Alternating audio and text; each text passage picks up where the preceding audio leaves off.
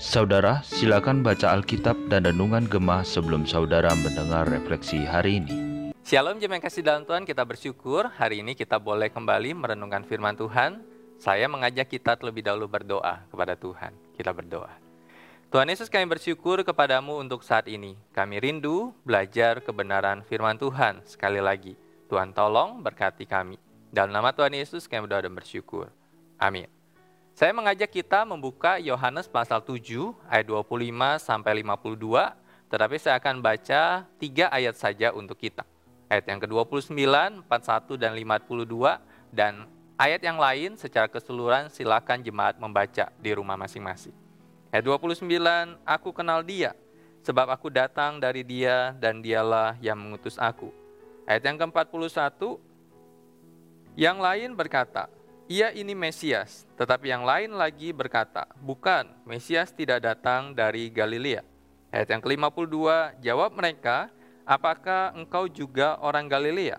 Selidikilah kitab suci dan kau akan tahu bahwa tidak ada nabi yang datang dari Galilea. Jemaat kasih dalam Tuhan, siapa yang suka minum kopi? Saya punya satu gelas kopi.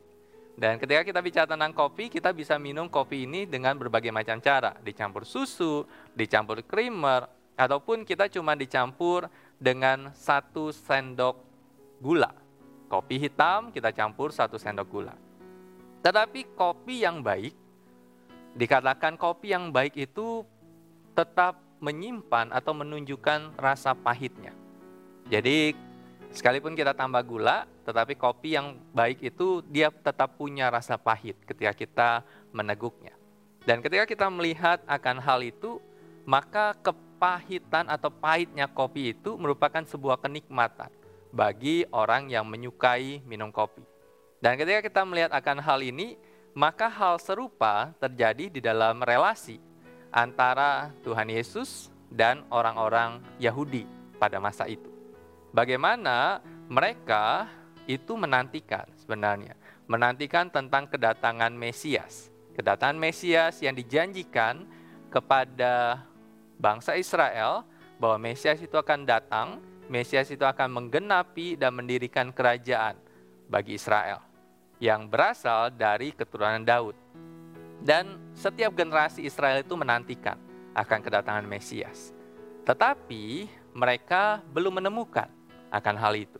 Dan ketika masa ketika Yesus lahir dan ketika di dalam cerita ini, maka mereka mengenang atau mengingat kembali tentang nubuat itu atau akan janji itu. Sehingga mereka menantikan akan penggenapan janji Sang Mesias. Apalagi di dalam zaman Yesus, maka bangsa Israel itu sedang dijajah oleh kerajaan Romawi. Mereka diperbudak, mereka mengalami kehidupan yang tidak mudah, tetapi mereka juga tidak bisa berbuat apa-apa selain menantikan kapan Mesias itu akan datang. Dan ketika kita melihat akan hal ini, maka orang-orang Yahudi itu mereka sedang punya ekspektasi yang besar. Ketika mereka lihat sang guru muda yang memiliki 12 orang murid, yang banyak melakukan mujizat penyembuhan orang sakit, dan membangkitkan orang mati yang mampu memiliki penyampaian uh, firman pengajaran yang punya kuasa yang melebihi akan guru-guru Yahudi waktu itu. Da, tetapi di dalam ekspektasi yang mereka ini ternyata tidak sesuai dengan realita yang mereka lihat dari guru muda yang bernama Yesus ini. Kenapa? Karena Tuhan Yesus itu tidak disukai atau kita bisa katakan dia dibenci oleh para ahli Taurat dan orang Farisi, bahkan akan dibunuh. Karena Tuhan Yesus banyak menimbulkan kontroversi, sehingga orang-orang Yahudi, bahkan pemimpin Yahudi khawatir kalau dia mengumpulkan kekuatan, dia akan melakukan pemberontakan. Dan Yesus itu berasal dari Galilea, yaitu tidak mungkin Mesias itu harusnya datang dari Bethlehem atau Yerusalem. Dan semua ketidakmungkinan ini sebuah realita yang mereka seakan-akan temukan. Itu membuat mereka berkata Yesus itu bukan Mesias. Tetapi ketika kita melihat ayat yang ke-25 sampai 52, maka mereka itu menunjukkan sebuah penolakan dengan kata ganti dia. Kita bisa melihat kata dia, dia, dia yang menunjukkan bahwa ketidakhormatan mereka kepada Yesus. Kemudian intimidasi agar tidak mempercayai Yesus itu adalah Mesias. Jadi intimidasi kalau kamu percaya Yesus Mesias kamu akan mengalami masalah. Itu intimidasinya. Kemudian upaya ancaman fisik untuk membungkam Tuhan Yesus termasuk pada kematiannya. Ketika kita melihat akan hal ini, maka bangsa Israel itu tidak siap dengan rasa pahit yang Tuhan berikan, yang tidak sesuai dengan ekspektasi mereka, dengan sebuah kenyataan yang mereka hadapi. Padahal semua rasa pahit itu menunjukkan tentang otoritas daripada Allah yang pasti menggenapi janjinya dan akan memulihkan kondisi umatnya. Bukan hanya secara fisik, tetapi terlebih lagi secara spiritual.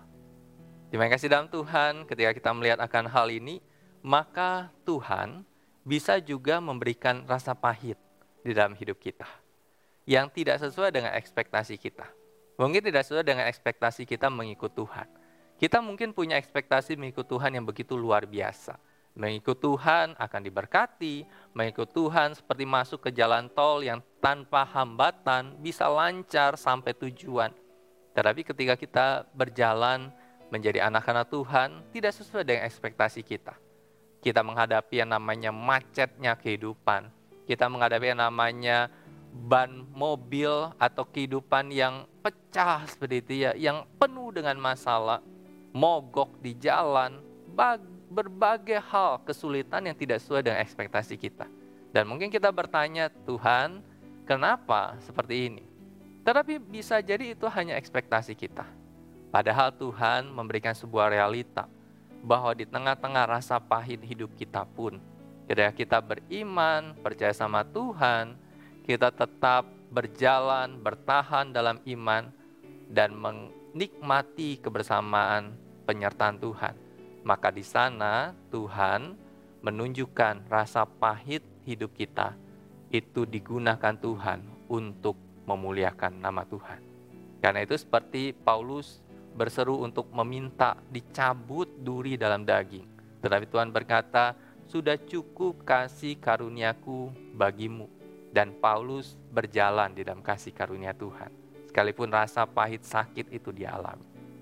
Biarlah kita berjalan sekalipun mungkin rasa pahit hidup kita, pergumulan hidup kita tidak dicabut di dalam hidup kita.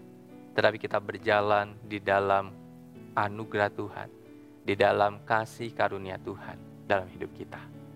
Tuhan Yesus tolong kita dan kami terus berdoa biarlah kita didapati setia oleh Tuhan kita berdoa. Tuhan Yesus, tolong kami di tengah-tengah ekspektasi kami yang tinggi tentang Tuhan, tetapi sering kali dalam realita hidup kami kayak menemukan banyak hal-hal pahit yang kami alami. Tetapi biarlah rasa pahit itu yang Tuhan izinkan terjadi dalam hidup kami tidak membuat kami jauh daripada Tuhan, tetapi membuat kami bersyukur bahwa Tuhan mengizinkan kami mengalami itu untuk membentuk kami berkenan pada Tuhan. Terima kasih Bapa, dalam nama Tuhan Yesus kami berdoa. Amin. Terima kasih dalam Tuhan, selamat menikmati rasa pahit dalam hidup kita bersama dengan Tuhan. Senantiasa jaga iman kita, senantiasa jaga imun kita. Tuhan Yesus memberkati. Amin.